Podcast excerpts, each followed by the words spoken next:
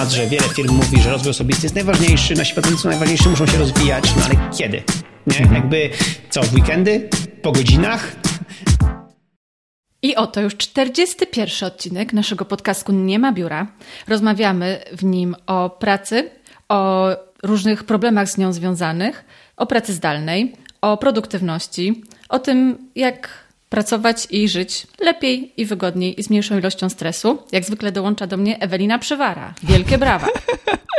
Cześć Madzia, cześć wszystkim. Powiem Ci, że zaczęłaś z taką werwą, że po prostu, kurczę, myślę sobie, nie wiem, na imprezę idziemy jakąś. Nie, ja y, teraz redukuję swoją złość y, poprzez wyparcie i udawanie, że jest wesoło, bo dostałam wczoraj mandat 200 zł za to, że jechałam ze swoją przyjaciółką o, na jednej i tej samej hulajnodze elektrycznej. Nie wiedziałam, że nie można. Pięknie. I dwie stówy poszły się widzisz? walić. No to za 200 zł się już dowiedziałeś, no. także... Dzisiaj mamy y, bardzo ciekawy temat dotyczący wypalenia zawodowego. Oczywiście przygotowując się do tego odcinka, y, zawsze jak jest coś wspólnego z psychologią, y, mamy do czynienia z podobnym zjawiskiem, zdiagnozowałyśmy sobie z Eweliną już co najmniej najpoważniejsze stadium. Tak, ale, wypalenia ale, zawodowego. Tak, nie, no żartujemy, jak to zwykle bywa, jeżeli się czyta o jakichś chorobach albo jakichś problemach to, i się czyta, jakie są objawy, to od razu, o Jezu, a to chyba miałam, a to miałam zeszły czwartek, a tak się czułam y, przedwczoraj. I człowiek już jest na wszystko chory. Y, no ale dobrze, heheszki, śmieszki. Natomiast y, wypalenie zawodowe to jest coraz bardziej powszechny problem.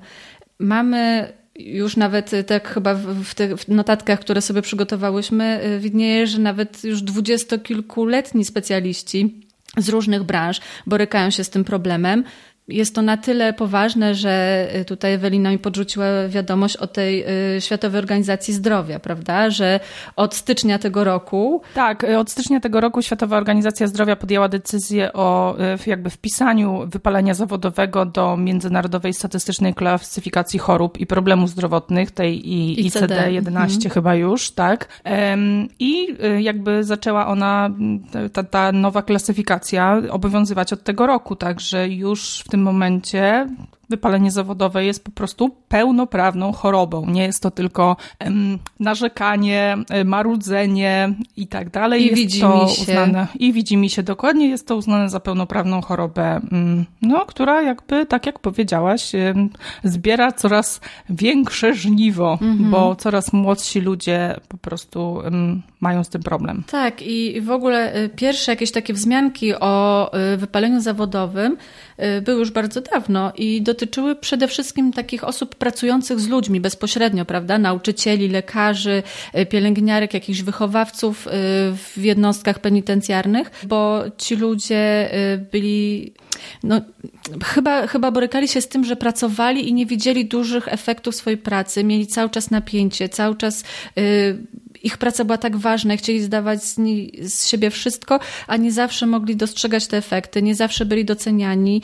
Y, wiadomo, systemowo też te wymienione zawody nie zawsze są wysokopłatne, szczególnie w tych budżetowych y, y, odłamach, więc najpierw zaczynało się od nich, ale teraz już wiadomo jest, że dotyka to wszystkich profili zawodowych, wszystkich branż i też różnych trybów pracy i w pracy stacjonarnej i w pracy zdalnej mamy z tym do czynienia. Tak, i jakby nie chciałabym mylić tutaj i porównywać depresji do wypalenia zawodowego, ale mm, mówi się, że depresja nie wybiera, tak? Czy, czy to jest e, młoda osoba, czy to jest starsza, czy jest dobrze sytuowana, czy, czy nie ma pieniędzy gdzieś tam i ma jakieś problemy życiowe. Trochę też tak jest z wypaleniem zawodowym. Możesz mieć super pracę, jakby możesz pracować w branży, która gdzieś tam jest twoim hobby, możesz e, tą pracę bardzo lubić, ale generalnie może cię to spotkać spotkać. I mm, właśnie to jest trochę tak, że po prostu za, zawczasu musimy pomyśleć o tym, jak, jak umieć sobie trochę mm, raz, że zorganizować to życie w pracy, a dwa, po prostu gdzieś tam też dostrzegać jakieś takie pierwsze sygnały tego, że coś takiego może się nam przytrafić. Tak, w ogóle ciekawą analogię y, tutaj zastosowałaś z tą depresją. Y, w wypaleniu zawodowym, tak samo jak właśnie przy tej chorobie, nie liczy się tylko środowisko, tak? tylko ten wpływy zewnętrzne, ale także jakieś predyspozycje. Y, bardzo często myślimy sobie, że o tak, jestem wypalona zawodowo, bo w tej firmie jest trudno, bo w tej pracy jest tyle obowiązków i tyle stresu, ale y, trzeba wziąć też pod uwagę takie osobiste mm, właśnie predyspozycje, tak? Są osoby, które mają wysoką potrzebę kontroli, są osoby, y, które mm, borykają się z dążeniem do perfekcjonizmu, są osoby też, które nie umieją w jakiś sposób, nie wiem, czy mają nerwice, czy, czy po prostu inne kłopoty, które nie pozwalają im się zrelaksować, nie pozwalają im dać sobie prawa do takiego stuprocentowego wypoczynku i y, odpuszczenia. Tak, po prostu cechy osobowości, które podwyższają możliwość tego, że jeżeli jeszcze, nie daj Bóg, trafisz na y, bardziej stresujące środowisko pracy albo zdarzą ci się jakieś rzeczy, o których za chwilkę będziemy mówić jako powody wypalenia zawodowego, jesteś na to bardziej narażona czy narażony. Dokładnie. No więc przejdźmy do tych przyczyn. Wiadomo, że to nie jest tak, że coś się dzieje, jest, albo rzadko się dzieje, także jest to spowodowane jakimś konkretnym zdarzeniem czy, czy mm, sytuacją. Najczęściej jest to narastający, y, składający się z wielu czynników długotrwały proces. Tak, musimy jakby też trochę wziąć pod uwagę to, że to nie jest tak, że mm, jednego dnia ci coś nie wyjdzie, nie wiem, szef na ciebie nakrzyczy, koleżanka na ciebie warknie i po prostu jest ci smutno i jakby to już się stało, tylko to jest jakiś taki, taki właśnie długi proces, gdzie przez jakiś taki dłuższy czas coś jest nie tak i mm, to się zbiera, zbiera i w końcu jakby też trochę tak ciężko złapać ten moment, kiedy to się wydarza, ale nagle okazuje się, że już po prostu jakby cierpimy na te objawy, które gdzieś tam są, są wynikiem tego, tego wypalenia zawodowego. Tak, tym bardziej, że po prostu przechodzimy przez kolejne fazy, które zaraz omówimy. Dokładnie. Ale skupmy się na tych przyczynach. Na pewno wśród przyczyn y, jest y, podwyższony i długotrwały stres, który może wynikać y, z konfliktów ze współpracownikami, z niedobrego zarządzania w firmie, w której się pracuje, w zbyt nierealistycznych terminach oraz z dysproporcji między czasem na pracę, a, a tym, ile mamy obowiązków, ile rzeczy musimy zrobić lub ile się od nas oczekuje. Dokładnie.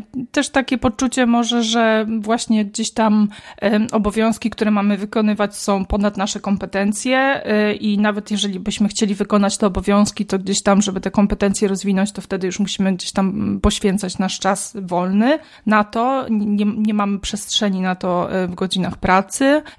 No wiadomo, też takie jakby prozaiczne wydawałoby się rzeczy jak kontakty, konflikty z pracownikami, ze współpracownikami, takie zachwianie gdzieś tam e, równowagi między życiem prywatnym a takim życiem zawodowym, co też mam wrażenie często, z czym też często borykają się pracownicy, którzy pracują z domu, bo mm, jak jesteś w biurze, to masz takie poczucie, wiesz, wychodzisz z biura i kończę pracę, nie? Ale jak jesteś w domu, no to jakby coś tam się dzieje, to zawsze możesz tego laptopa czy komputer otworzyć i coś tam jeszcze zerknąć, coś tam zawsze dorobić, więc... Ta granica jest łatwiej zacieralna. Mhm. Dokładnie tak, więc trochę bardziej jesteśmy, mam wrażenie, na to um, narażeni. Um, no i też takie poczucie niedocenienia, że robisz wszystko, e, co co w twojej mocy, żeby dobrze wykonać jakieś obowiązki, ale nie wiem, twój szef czy przełożony gdzieś tam zawsze znajdzie, że byłoby, można by było jeszcze to lepiej zrobić, albo po prostu,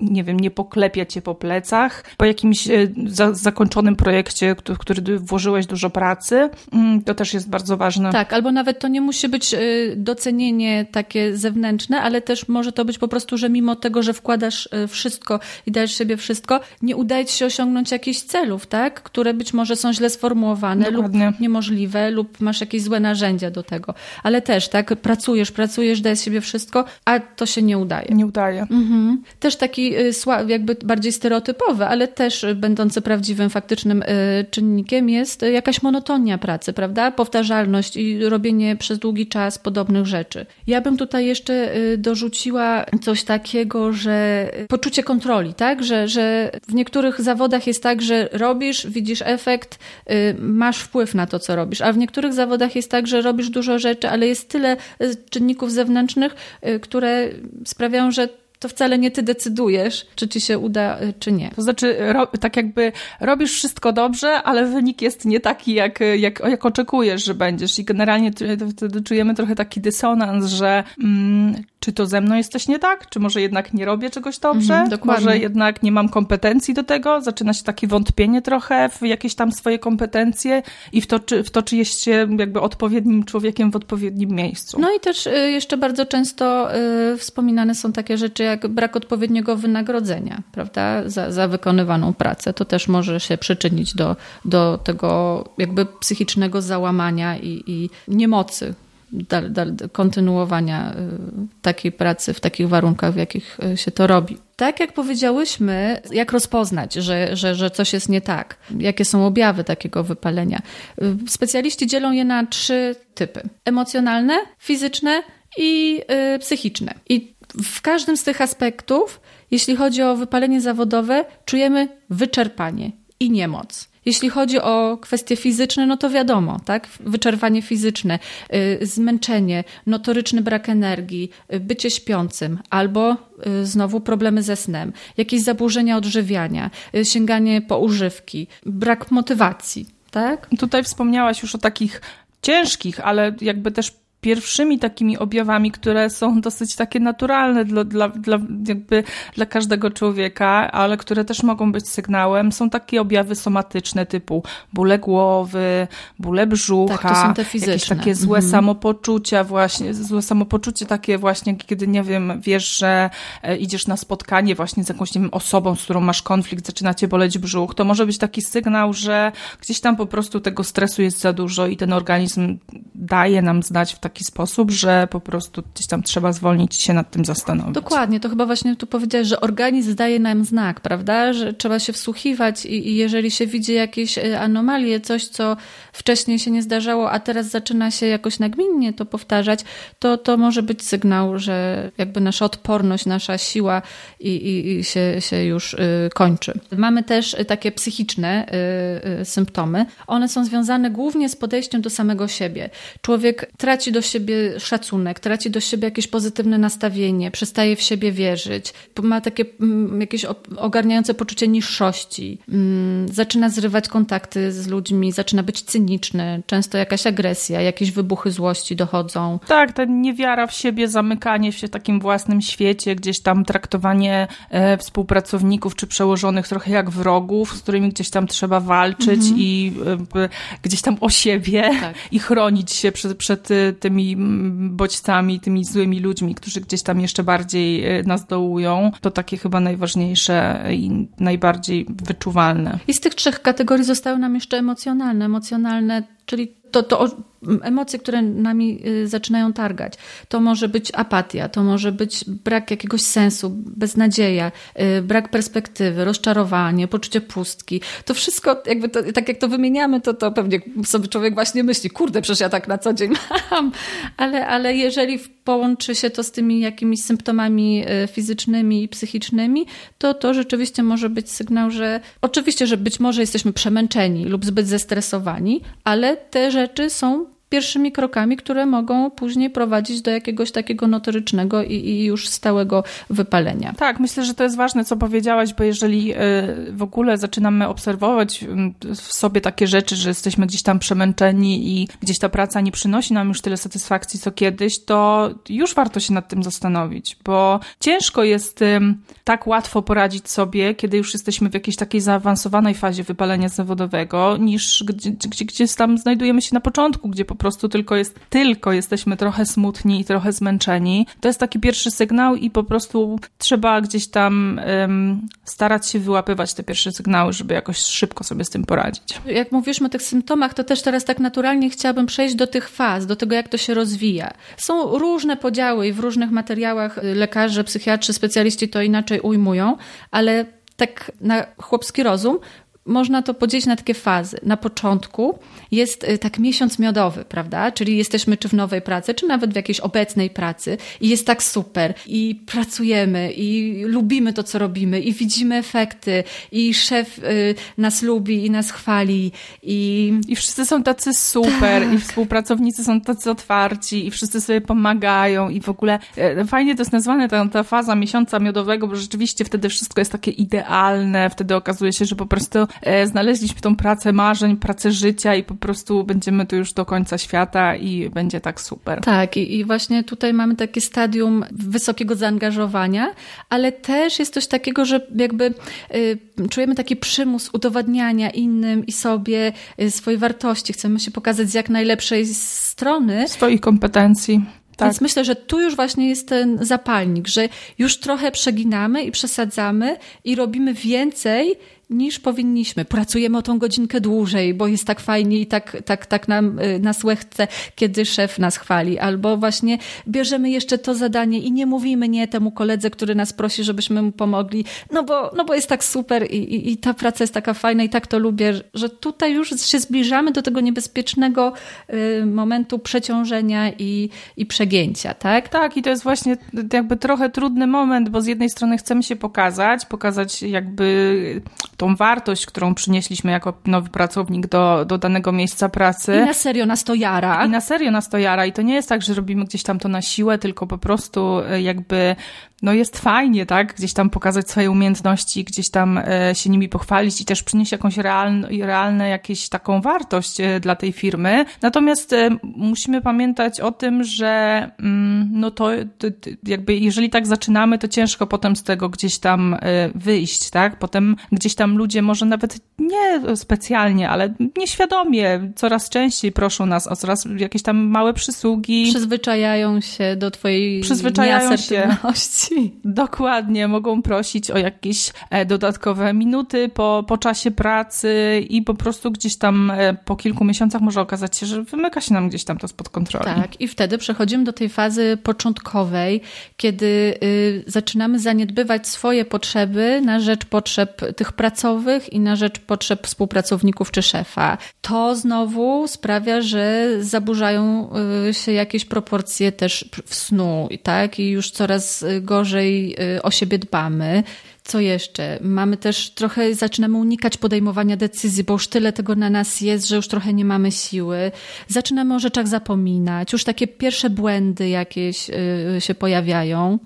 A w związku z tym, że błędy, to też trochę takie złe y, reakcje jednak już z otoczenia, prawda? Tak, dokładnie. No i to jest to też trochę taki, taka pułapka dobrego wrażenia, bo jak mm, zaczniemy z takiego wysokiego C i okazuje się, że jesteśmy tacy super i tak wszystko super idealnie robimy, to potem zaczynamy się bać, co będzie, jak jednak się okaże, że coś zrobię źle i co? I czy całe dobre wrażenie już zostanie zamazane o mnie, czy oni jednak gdzieś tam dają mi ten, mm, ten kredyt zaufania, że jestem też człowiekiem i mogę popełniać błędy, czy, czy jednak niekoniecznie? No i jakby to może być takie błędne koło. To jest ten problem tej pierwszej osoby, która gdzieś tam biegnie w peletonie i, i nie ma za kim biec, tak? To tutaj też trochę nie ma za kim biec i jesteś pierwszy. Jak noga ci się powinie, no to co będzie dalej, tak? To już jakby nie będziesz pierwszy stracisz ten, ten tron tego bycia najlepszym. No tak, też my tu trochę przerysowujemy, bo to też nie zawsze jakby wypala Dokładnie. się zawodowo ten, ten, ten, ten prymus, ten, który jest zawsze najlepszy. Wypala się zawodowo też pani, y, która siedzi w papierach y, przy komputerze i właśnie gdzieś tam w cieniu wszystkiego i, i gdzieś na szarym końcu zawsze jest, ją, ją też to czeka, tak? Ale no wiadomo, że my jakby tu tak pokazujemy trochę przerysowany, żeby, żeby trochę przerysowany obraz. Z tego momentu przechodzimy już do tego momentu, momentu, kiedy chyba to się nazywa przewlekły stres, że już y, to poczucie przeciążenia, obciążenia, mm, zaniedbania siebie robi się czymś mm, przewlekłym, czyli to już jest nagminne. Już jesteśmy coraz bardziej zmęczeni, coraz bardziej zniechęceni. Zaczynamy prokrastynować, bo już nie mamy siły, więc jakby podświadomie odsuwamy y, niektóre rzeczy. Zaczynamy, zaczynamy zawalać terminy. Przez to, że zawalamy terminy, jesteśmy coraz bardziej zniecierpliwieni, źli na samych samych siebie, inne otoczenie, wchodzi, zaczynamy wchodzić w jakieś konflikty ze współpracownikami. To jest też takie zaklęte koło, bo mm, trochę się czujemy, zaczynamy się czuć gdzieś tam niedoceniani, e, więc trochę mniej nam zależy, więc zaczynamy zawalać te terminy, ktoś tam nam zwraca uwagę, więc trochę utwierdzamy się w tym przekonaniu, że jednak nie jesteśmy tacy dobrzy, jak nam się wydawało. A nawet jesteśmy beznadziejni. Dokładnie. I nagle okazuje się, że jak nam zwraca uwagę, to pewnie na pewno nas nie lubi, albo gdzieś tam y, czujemy, że kurczę, może w ogóle chcą nas zwolnić i po prostu to jest taka trochę samo nakręcająca się spirala tych y, myśli, które gdzieś tam krążą nam po głowie i, i wzmagają to wszystko. Dokładnie, a przez to, że jesteśmy tylko ludźmi, to się odbija na naszym zdrowiu, więc y, ludzie niektórzy tyją, zaczynają zajadać te problemy, niektórzy wręcz przeciwnie chudną, niektórzy zaczynają sięgać po leki uspokajające, po używki, piją sobie coraz więcej drineczków czy piwek po, po pracy. To wszystko są te czerwone lampki, które się zaczynają zapalać i które na, na tym etapie już są naprawdę y, poważną sprawą. No i niestety też jakby na kultura gdzieś tam rozładowywania stresu, szczególnie mam wrażenie w Polsce, jest taka, że jak gdzieś tam masz ciężki dzień w pracy, to właśnie y, idź sobie po pracy na piwo, na drinka. Nie ma takiego przeświadczenia, że może trzeba, nie wiem, odpocząć, może trzeba pomyśleć, zrewidować, czy coś tej pracy nie dzieje się jakby jakby złego, że tak to na ciebie oddziałuje, może gdzieś, nie wiem, iść na siłownię i ten stres y, wy wymęczyć, więc y, trochę to tak jest, że jak jesteśmy w takiej gorszej sytuacji, to zaczynamy właśnie sięgać po jakieś używki, alkohol czy, czy, czy narkotyki i gdzieś tam szukać w tym pomocy. Tak, i to są takie niezdrowe sposoby na radzenie sobie ze stresem, a, a powinniśmy szukać tych lepszych, to o czym też będziemy niedługo mówić. Stąd przechodzimy już do faktycznego wypalenia zawodowego, kiedy no to już jest ta jednostka chorobowa, tak? To już jest ten moment, kiedy powinniśmy być pod opieką y, psychiatry, czasem, nie wiem, być może zacząć jakieś leki albo iść na zwolnienie. Ja y, mam taką znajomą w Szwecji, która pracowała w firmie, no chyba takiej jakiejś szwedzkiej i ona właśnie zdiagnozowano u niej to wypalenie zawodowe. Ona po prostu od pracodawcy, on się o nią zatroszczył i dał jej pół roku zwolnienia. Po prostu powiedział, Sofii, idź, jesteś przemęczona, widzę, obserwuję od ciebie te objawy, idź odpocznij, tak, na pół roku. I ona dostawała pieniądze, ale musiała odpoczywać i, i, i, na tym to polega. No to takim idealnym świecie myślę, powinno tak to wyglądać. No.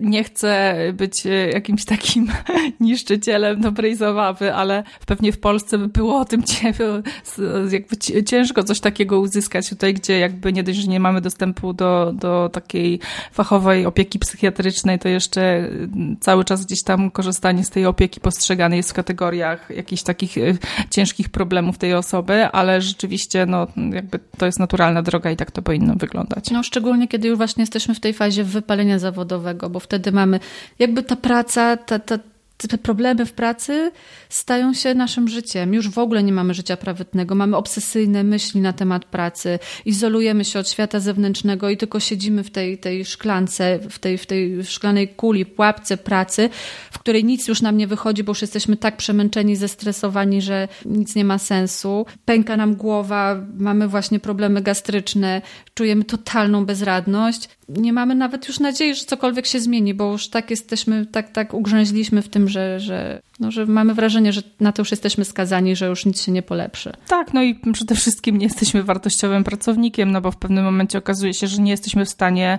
nie dość, wykonywać jakościowej pracy, to mam wrażenie też, że jakiejkolwiek pracy, bo gdzieś tak jakieś tam najprostsze czynności często przynoszą, jakby urastają do rangi rzeczy niemożliwych do wykonania. Ech, jejku, jak się zrobiło poważnie i smutno. Tak. Nie wiem, zaraz no ale dobra, no takie życie. To może jakiś przerywnik. Zróbmy, zróbmy przerywnik i, i tak. Y, powiedzmy, że sponsorem tego odcinka jest Nozbi aplikacja, myślę, że której wykorzystanie może w jakiś sposób pomóc y, unikać y, wypalenia zawodowego, jeżeli jest dobrze stosowane przez danego człowieka i przez daną organizację.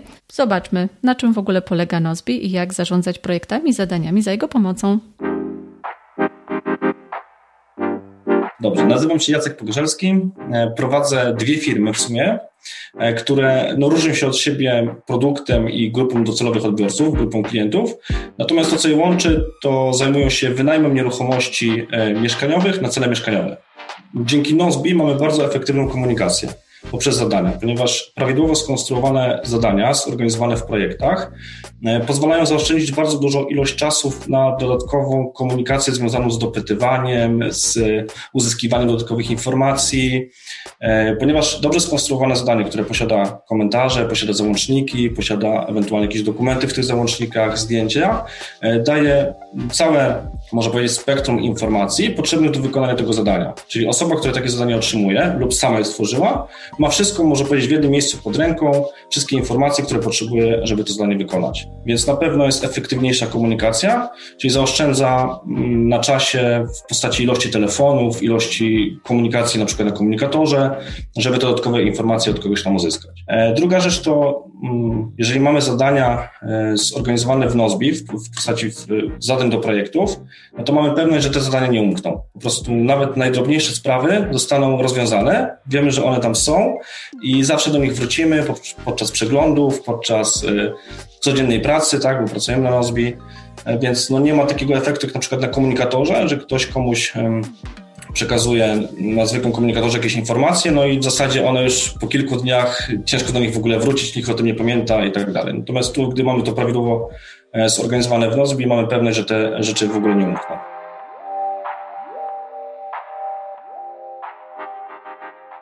Jesteśmy z powrotem i chcieliśmy zachęcić do tego, żeby polecać Nozbi. Jeżeli któryś z Was używa Nozbi lub chce zacząć używać, to zapraszamy. Kiedy już masz aplikację, yy, zostań uczestnikiem naszego programu partnerskiego. W programie partnerskim yy, osoba, która poleca za pomocą swojego linku partnerskiego Nozbi, można to zrobić poprzez udostępnienie takiego linku i opowiedzenie o Nozbi w mediach społecznościowych, mailem czy nawet w jakiejś prywatnej wiadomości. Kiedy już polecimy Nozbi, osoba, która skorzysta z naszego linku i założy konto, otrzyma w prezencie bonus 60 zł. Ten bonus może wykorzystać później, kiedy y, uzna już, że czas kupić sobie konto płatne, żeby móc mm, w większym gronie i z większą ilością projektów korzystać z Nozbi. Wtedy może wykorzystać to na zapłacenie y, za abonament premium.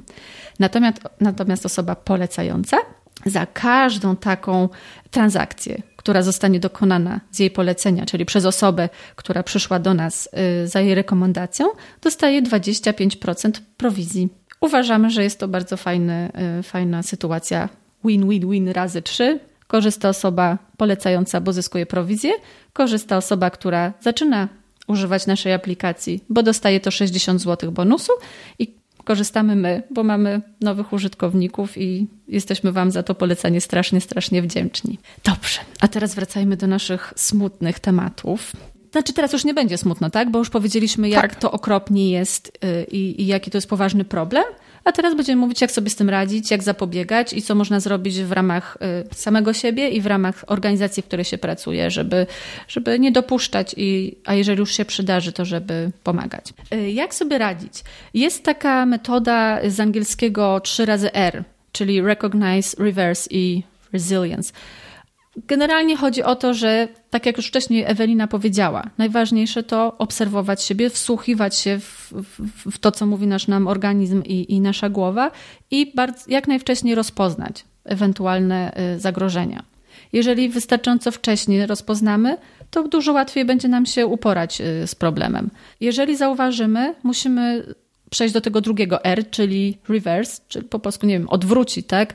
Żeby przywrócić równowagę i żeby, żeby, żeby zawalczyć z tymi symptomami, żeby wyszukać powodów i spróbować im zaradzić. Jeżeli nie w pojedynkę, to z pomocą bliskich, jakiejś grupy wsparcia albo lekarza specjalisty. Kiedy już sobie z tym poradzimy, jest trzecie R, czyli to resilience, czyli taka psychiczna odporność, prawda? Y, I tu chodzi chyba o to, żeby nie pozwolić, żeby to wszystko wróciło, czyli zbudować sobie, mm, nie wiem jak to. Zbudować sobie może taką odporność, ale to mm, jakby y, brzmi dosyć trudno i nie wiadomo za bardzo, co z tym zrobić, ale przede wszystkim tą odporność budować przez to, że traktować priorytetowo siebie. To znaczy, ja jestem najważniejsza, moje zdrowie psychiczne, fizyczne jest najważniejszym. Jakby, jeżeli coś źle wpływa w danej pracy na mnie i nie jestem w stanie z tego zmienić, nie jestem w stanie z tym walczyć i po prostu cały czas gdzieś tam mnie to dotyka, czy po prostu powoduje jakiś taki e, smutek i, i mm, nie, niezdrowe reakcje mojego organizmu, to po prostu e, to jakby może powinnam zastanowić się nad zmianą pracy, bo, bo gdzieś tam to jest, to jest dla mnie takie środowisko, które gdzieś tam no, nie pozwoli mi mm, dobrze się rozwijać, czy po prostu będzie wpędzać mnie w takie, mm, w takie wypalanie zawodowe, więc na dłuższą metę i tak, i czy tak, czy tak to nie wyjdzie. Mhm. Więc po prostu priorytetowe traktowanie siebie i swojego zdrowia psychicznego. I tu przechodzimy jeszcze do tych kolejnych punktów zapobiegania.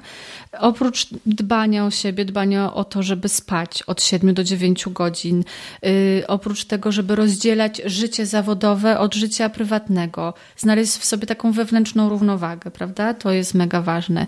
Yy, też wyczytałam w którymś z materiałów, że nie można uczynić pracy takim jedynym y, filarem y, budowania y, swojej wartości, tak? Bo jak ten filar się złamie, to padniemy. Dlatego też warto rozwijać się w innych aspektach, realizować się i odnajdywać swoją wartość w różnych rolach. W roli rodzica, w roli przyjaciela, w roli biegacza, w roli panusia albo paniusi kotków, tak? Żeby być mocnym i, i budować to, to, to, swoje mocarstwo nie tylko y, w kwestiach zawodowych, ale też tych innych. Tak, to jest też problem chyba y, pracoholizmu, że gdzieś tam ta praca stanowi o nas, to znaczy musimy pracować coraz więcej i więcej, żeby po prostu udowadniać sobie i wszystkim dookoła, że jesteśmy wartościowi, więc to jest na pewno ciężka praca, żeby gdzieś tam przewartościować i przemodelować to swoje myślenie i żeby znaleźć gdzieś sobie w sobie po prostu to,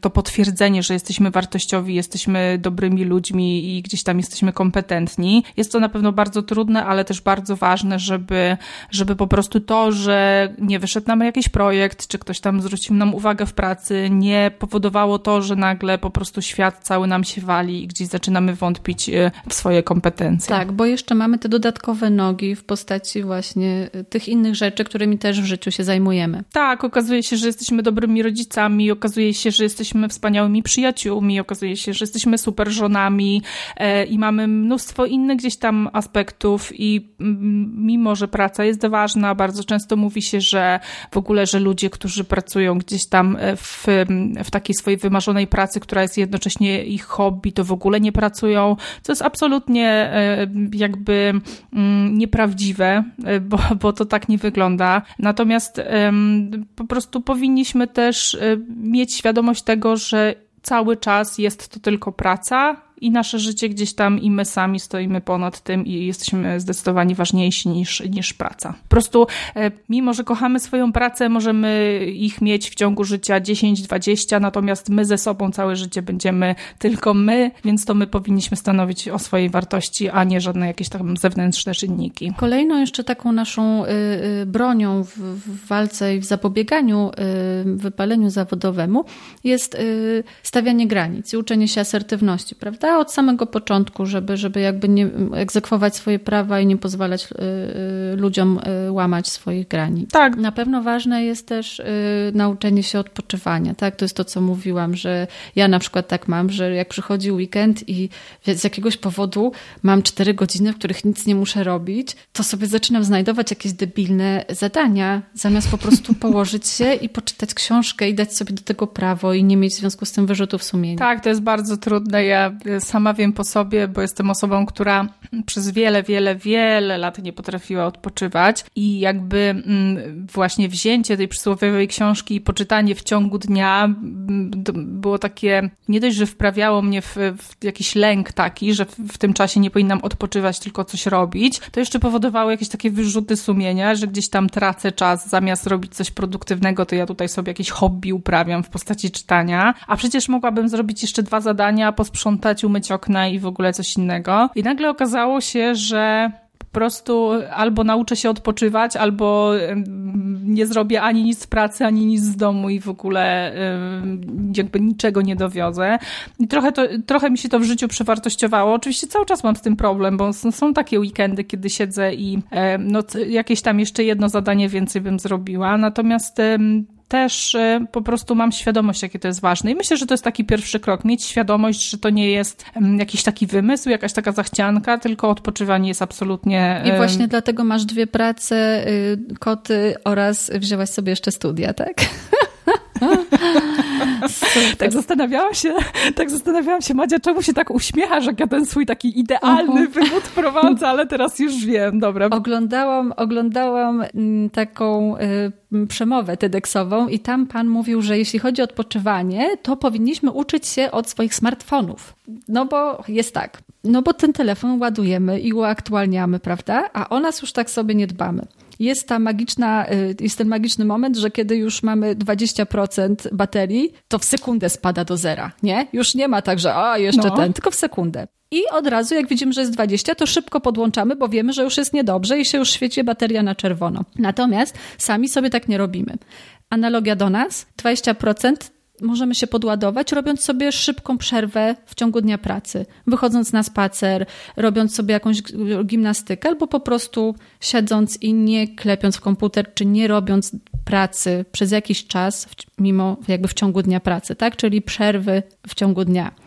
Druga rzecz to jest ładowanie na noc, tak? Na noc ładujemy i staramy się do, tego, do tych 100% doładować to dlaczego my nie śpimy, dlaczego zawalamy nocki, dlaczego nocą sprawdzamy jeszcze sobie zaległe Facebooki, robimy pracę, raporty, oglądamy seriale. Nie, w nocy śpimy od 7 do 9 godzin. Smartfon się ładuje, my się ładujemy. My też się ładujemy. No. Tak, to jest y, jakby fajne to, co powiedziałaś, ta przerwa w ciągu dnia. Ja w ogóle, mm, no jak generalnie człowiek gdzieś tam pracuje w 8 godzin w biurze, to ciężko nagle powiedzieć szefowi w ciągu dnia, że ja w ogóle teraz wychodzę i idę sobie na spacer. Natomiast nauczyłam się tego rzeczywiście w Nozbi. W ogóle y, super rzeczą było dla mnie, mm, jak y, usłyszałam, czy przeczytałam, jak nasz kolega Rafał robi sobie te jakieś takie energetyczne drzemki w ciągu dnia, gdzieś tam 15-minutowe. Mhm, power napy. Tak, tak, power napy. I ja też gdzieś tam w, w, w, ciągu dnia staram się po prostu zrobić sobie godzinę, gdzie mm, zakładam plecak, wychodzę, idę na godzinę pospacerować i wtedy po pierwsze nie potrzebuję drugiej kawy, bo jestem na tyle pobudzona i dotleniona, że po prostu cały czas mam taki świeży umysł, a po drugie w ogóle jakoś tak jest kurczę lżej, więcej energii, chce się pracować i człowiek nie jest już taki umęczony i też ma poczucie trochę takiej wolności, że nie jesteś przez te 8 godzin tam cały czas przyklejona do tego e,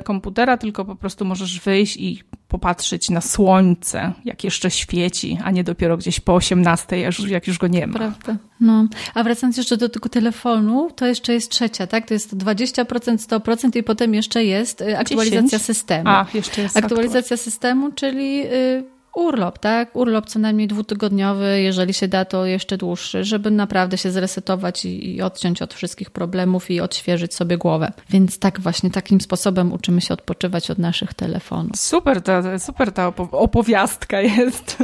Świetna. Dobra, co my jeszcze możemy robić, żeby się nie dać temu wypaleniu? Na pewno walczyć z perfekcjonistą w sobie, tak? Czyli, czyli jeżeli widzimy, że chcemy, żeby było idealnie i jeżeli nic nas y, w naszej pracy, w efektach naszej pracy nie zadowala, to, to coś jest nie tak, tak? Odpuśćmy.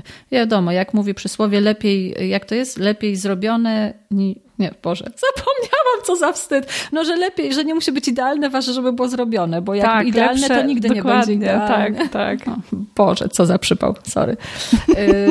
oprócz perfekcjonistu należy też, yy, Boże, oprócz perfekcjonizmu należy się też wystrzegać y, takiego odosobnienia i, i samotności. Wiem, że łatwo powiedzieć, tak, y, w dzisiejszych czasach też trudno i te, te więzi międzyludzkie y, są coraz takie trudniejsze do nawiązywania, ale ta grupa wsparcia, jakaś taka sieć wsparcia osób, które nas bez oceniania wysłuchają i które nie będą jakby y, nam dawały dobrych rad, tylko po prostu będą, jest y, mega ważna w budowaniu jakiejś takiej swojej siły mm, psychicznej i odporności, tej odporności właśnie psychologicznej, o której mówimy. Tak, to jest mega ważne. Ja wiem, y, czasem mam, miałam i mam jakieś takie zwątpienia w samą siebie i wtedy mam takich swoich grupę przyjaciół na Facebooku, w którym mówię, jaka to jestem beznadziejna i w ogóle jak ja to się nie nadaje do tej pracy i nagle oni mi przypominają gdzieś tam ile, ile sukcesów moich gdzieś tam pamiętają w różnych dziedzinach i em, nagle sobie i z jednej strony są to ludzie, którzy gdzieś tam e, w swoich branżach odnieśli ogromny sukces, więc po prostu im wierzę, nie mam takich, takiego poczucia, ach, mówią tak tylko dlatego, żeby mi sprawić przyjemność, a z drugiej strony y, jakby pokazują mi, pokazują mi jakieś takie naoczne dowody tego, że gdzieś tam rzeczywiście to nie jest tak, że, że mi się udało, tylko gdzieś tam jakoś sobie zapracowałam na różne rzeczy, więc no nie mam argumentów żadnych, żeby jakoś temu zaprzeczyć, więc wtedy od razu czuję się lepiej. Widzisz? Więc na pewno jakby te ludzie tacy są potrzebni i też z drugiej strony my jesteśmy potrzebny, potrzebni innym ludziom i powinniśmy gdzieś trochę być może wyczuleni na takie sygnały, kiedy widzimy, że koleżanka jest smutna albo mówi, kurde, ale jestem beznadziejna, w ogóle nic mi nie wychodzi i coś tam, to po prostu trochę empatii, że jakby takiego wsparcia i trochę właśnie przypomnienia jej, że, że to nie jest tak, że jak dzisiaj coś jej nie wyszło, to, to po prostu już świadczy o, o całej jej pracy, czy jego pracy. Jeszcze w dzisiejszych czasach ważne jest takie mm, dostosowywanie się i umiejętność adaptacji do warunków, prawda? Y, jakaś taka plastyczność. Też mówiłyśmy o tym chyba w odcinku o feedbacku. To jest ten typ osobowości otwartej nauczenie się i, i taki, takie podejście, że może być lepiej, że to nie jest konstant, że to, co jest, to nie jest już na zawsze, że mamy na to wpływ i że możemy iść do przodu, możemy zboczyć gdzieś i że nie jesteśmy skazani na to, co teraz jest, tylko są różne drogi i różne sposoby. Tak, i o tej plastyczności, i o tych zmianach jakby w firmie. Często jest tak, że wydaje nam się, że jakieś zmiany są spowodowane mm, że my coś robimy źle i ja przynajmniej uczę się, żeby nie odbierać tego w taki sposób, że jeżeli coś się zmienia, to po prostu jakoś firma ewoluuje albo jest jakiś nowy pomysł, pomysł na organizację czegoś, że to niekoniecznie jest jakby sygnał, że ja coś robię źle, więc nagle coś trzeba zmienić. Więc też takie jakby niepersonalne odbieranie tych zmian, tylko jako taką naturalną ewolucję gdzieś tam i rozwój firmy czy danego działu. Dobra, Dobra, to teraz powiedziałyśmy tak mniej więcej o tym, co każdy może zrobić, a teraz chyba czas na tym, co nasza firma i nasi y, przełożeni mogą zrobić. Jeśli chodzi o zapobieganie właśnie temu problemowi wypalenia zawodowego, przeciążenia, nadmiernego stresu, w organizacji, to fajnym pomysłem y, jest na przykład odchodzenie od twardych deadline'ów, tak? Że nie mówimy, że dobra, to będzie na środę 9 listopada na godzinę 13, bo to już samo w sobie jest tak stresujące, a tak naprawdę bardzo często z niczego nie wynika. Można przecież powiedzieć, że zrobimy to, nie wiem, na przykład do listopada, tak? Albo że w listopadzie to dostaniecie. Takie miękkie, miękkie terminy, bardziej y, szersze, zapobiegają stresowi ze wszystkich stron i wykonawców, i odbiorców. Y, u nas tak bardzo często robi Rafał, prawda, jeśli chodzi o obiecywanie nowych y, funkcji w Nozbi na przykład. Nie mamy czegoś takiego, że nowa funkcja w Nozbi będzie... Będzie za tydzień, za dwa, tak, za miesiąc. Czy, czy tam 6 lipca. Nie. Będzie w którymś tam kwartale. Jak będzie gotowa. Będzie, będzie gotowa. Tak, nie, no ale najczęściej posługujemy się kwartałami, albo porami roku, albo y, miesiącami, bo szczególnie w technologicznych sprawach nie da się tego określić. Zawsze coś może się wywalić, zawsze coś może być jakaś obsuwa i po co rodzić jakieś rozczarowania, pretensje. Jeżeli ten dokładny, konkretny termin nie jest aż tak istotny. I z drugiej strony też daje to takie poczucie trochę wolności pracownikowi i takiej sprawczości, że to nie jest tak, że on jest jakimś takim trybikiem, który musi kręcić się w określony sposób tylko i wyłącznie, ale może sobie jakby ma władzę i takie właśnie poczucie sprawczości nad tymi swoimi zadaniami, że może sobie je ułożyć tak, żeby się w tym przez niego określonym deadline'ie ustawić, a nie to, że ktoś tam mu właśnie narzuci, że do jutra do 15.18 32 sekundy po prostu muszę to dostać na maila i, i czujemy się zestresowani i, i po prostu jakoś tak no, niepewni, no I, i to też źle wpływa y, na naszą pracę. Ja na przykład w poczuciu stresu słabo mi się pracuje, więc wolałabym mieć jakąś taką samosprawczość i poczucie kontroli nad tym, co robię. Co jeszcze można zrobić w firmie? Można na pewno rozwijać kompetencje kadry menedżerskiej i jakby starać się, aby osoby będące na stanowiskach kierowniczych y, rozwijały w sobie empatię, czytały sobie czy dokształcały się z jakichś takich nieprzemocowych y, sposobów komunikacji, żeby były wyczulone. Dawania feedbacku. Mhm, tak. żeby były wyczulone i umiały obserwować, tak? Y, na jakieś konflikty, które mogą się zrodzić pomiędzy pracownikami, na jakieś właśnie symptomy, że ktoś zaczyna być przemęczony, ktoś zaczyna nie dowozić, ktoś prokrastynować, bo to mogą być właśnie sygnały, że ma jakieś problemy i wtedy nie trzeba go karać za to i dawać mu reprymendy i wytykać mu błędów, tylko spróbować zajrzeć, co tam się u niego dzieje. No fajne jest takie w ogóle mm, spojrzenie na to, że firma, oczywiście jakby wszyscy jesteśmy tu po to, żeby zrealizować jakiś cel, cele firmy, żeby, nie wiem, sprzedawać czy promować ewentualnie. Natomiast e, no tą firmę tworzą ludzie i to jakby jeżeli gdzieś tam zapomnimy o tym, że to nie są roboty, tylko mają uczucia i też jakby e, mogą wchodzić w konflikty z innymi pracownikami, no to jest absolutnie naturalna jakby rzecz, będąc w grupie ludzi, że nie każdy się będzie kochał, e, najlepiej przynajmniej, żeby się to, to ludzie tolerowali, niektórzy, którzy gdzieś tam nie, nie potrafią się lepiej dogadać i po prostu umieli ze sobą współpracować, a i na pewno jakby takie osoby, które gdzieś tam są wyżej postawione, mimo że w, jakby w zdalnej pracy to jest trudne, ale to też powinni być wyczulone na takie właśnie symptomy.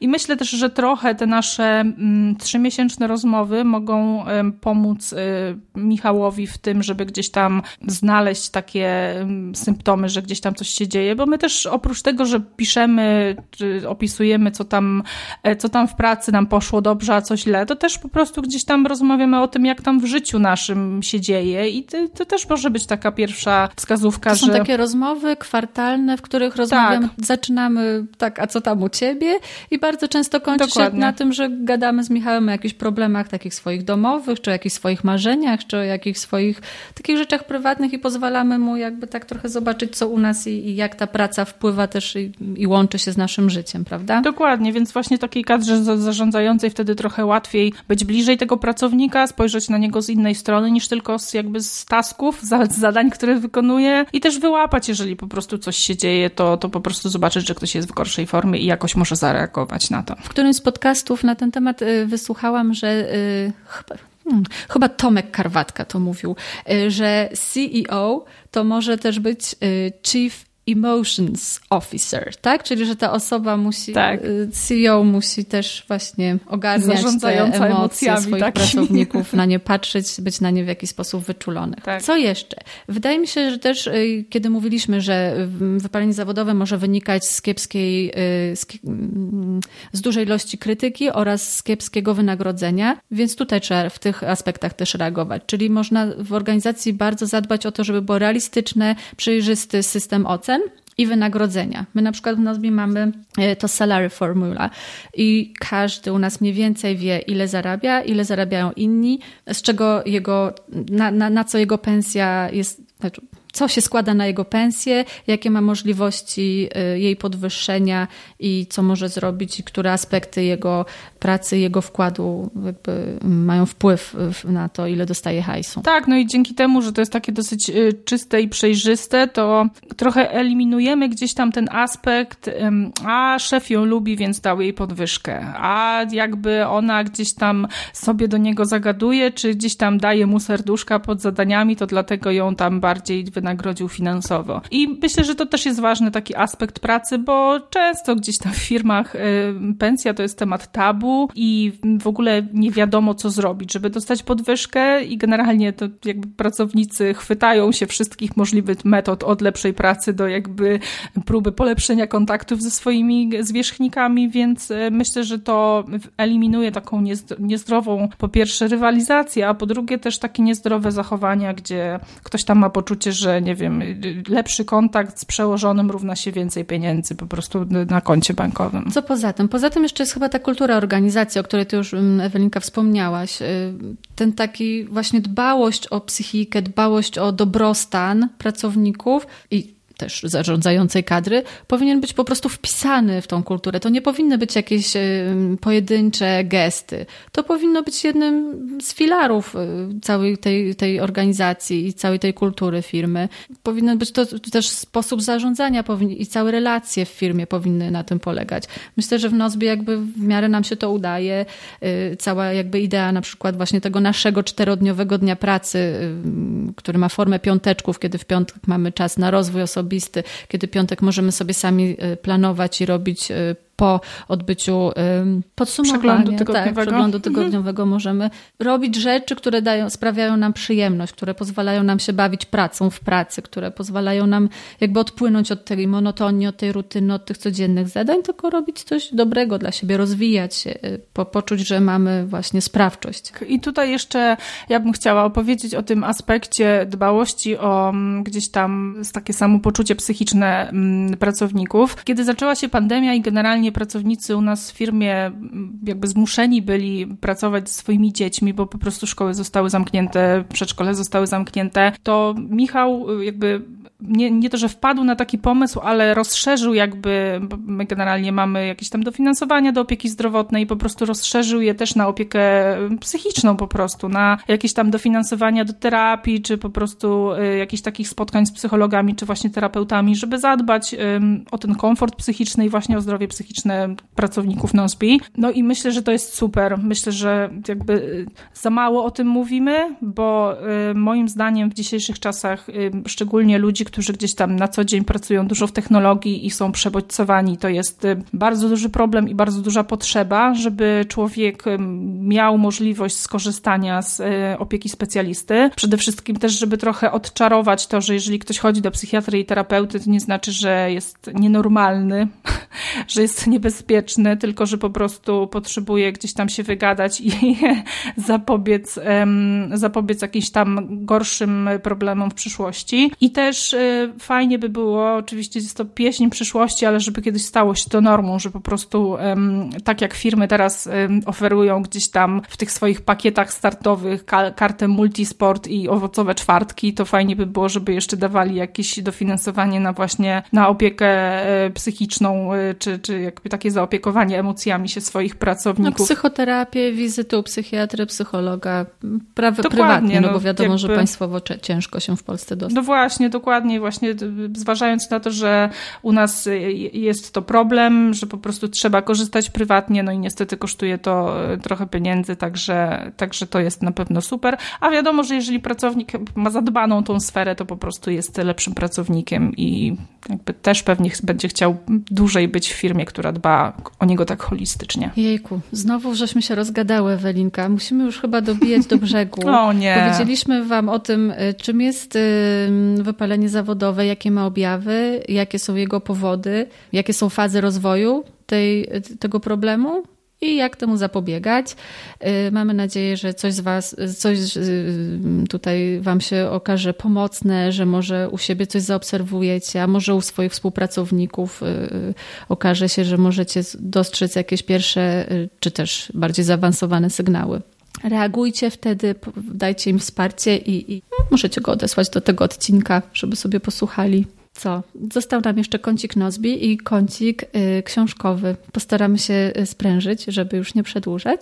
Jeśli chodzi o y, Nozbi. Czy masz jakąś y, nowość, którą, y, którą lubisz i która y, jest dla ciebie jakimś takim wielką zmianą i rewolucją? Ja nie wiem, czy to jest nowość i nie wiem, czy już o tym nie mówiłam, ale cały czas e, kocham ten jakby no, mówiłaś, wyświetlanie. Mówiłaś o tym tak, no to ja już widoku. nie mam nic nowego. To jest po prostu tak wspaniałe. Dla mnie to jest niesamowite, bo nagle gdzieś z takich szerokich w ogóle kolumn i w ogóle jakoś tak, nie wiem, to po prostu jest cudowne, więc e, no nie jest to nowością, mówiłam już o tym, ale jestem nadal zachwycona. Nie wiem, kto, kto z których z chłopaków u nas to jakby wymyślił i prze, prze, prze, przerobił, czy stworzył, ale jestem mu niesamowicie wdzięczna i w ogóle e, tak jest to super.